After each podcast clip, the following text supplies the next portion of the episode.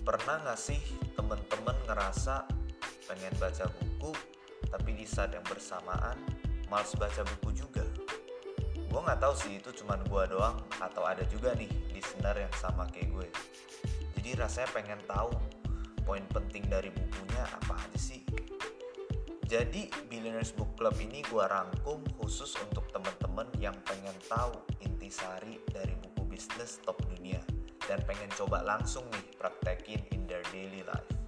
Oke, okay, without further ado, kita akan coba bahas buku pertama kita bareng-bareng di Billionaires Book Club.